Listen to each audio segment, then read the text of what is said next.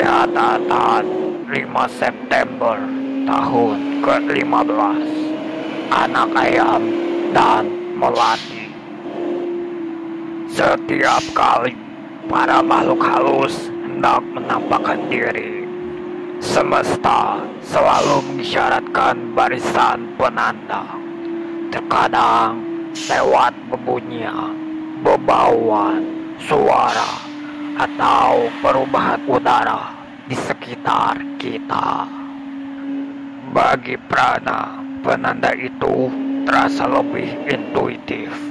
Ia punya satu indera tambahan dari lima indera utama yang dimiliki oleh manusia pada umumnya.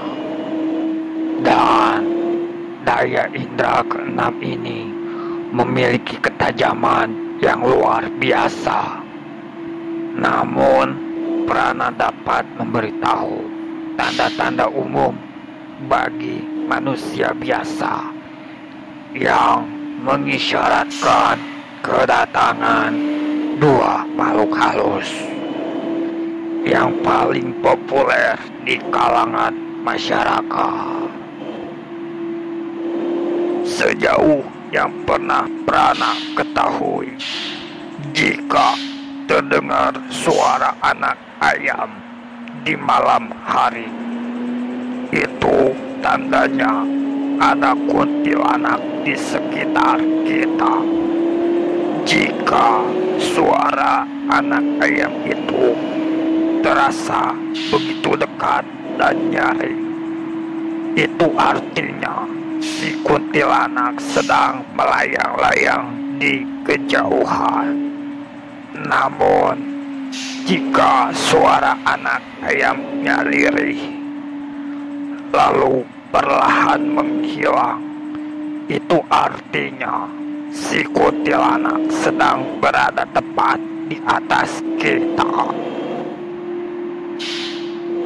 Selain itu, manakala tercium bau harum bunga melati. Meruak tanpa sebab di heningnya malam atau harum bunga kamboja. Itu tandanya ada pocong di sekitar kita.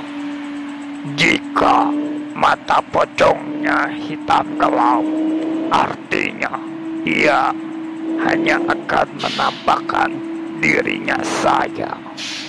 Namun, jika mata pocongnya menyala merah, ia akan terus mengejarmu sampai ke mana pun.